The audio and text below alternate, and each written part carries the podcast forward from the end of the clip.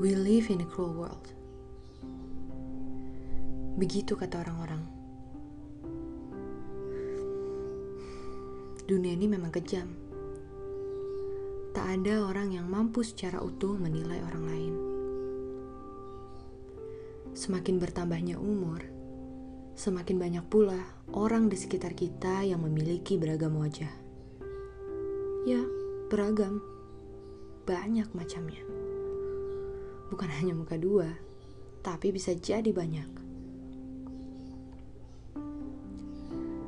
Dan semakin dewasa, semestinya kita semakin paham bahwa memiliki banyak wajah tidak melulu kok menjadi hal yang negatif. Ketika kuliah, kita pasti ketemu banyak teman baru. Setelah lulus, semakin banyak bertemu orang di lingkungan baru. Bertemu bos baru, bertemu rekan kerja baru. Bahkan bisa jadi ada di antara kamu yang sudah bertemu keluarga baru. Dengan keadaan seperti itu, maka harusnya semakin paham pula kita bahwa menyembunyikan ekspresi tertentu adalah keharusan ketika menghadapi orang dengan sifat atau keadaan tertentu.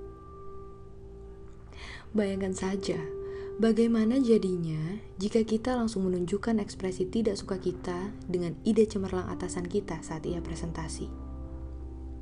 Ia mungkin akan dengan senang hati mengomelimu setelah itu atau saat temanmu dengan riangnya menunjukkan hasil karyanya dan meminta pendapatmu. Ia mungkin akan langsung patah hati dan tidak bersemangat lagi akan karyanya. Ya, betul. Kamu memang punya hak untuk berekspresi dan berpendapat.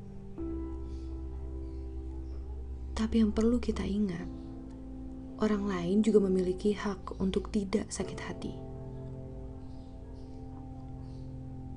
Tapi balik lagi, semua itu kembali lagi kepada pilihan diri masing-masing. Coba deh, lihat kembali diri kamu. Lihat kembali sekeliling kamu. Apakah benar begitu? Apakah perlu seperti itu? Lantas siapa yang kamu puja?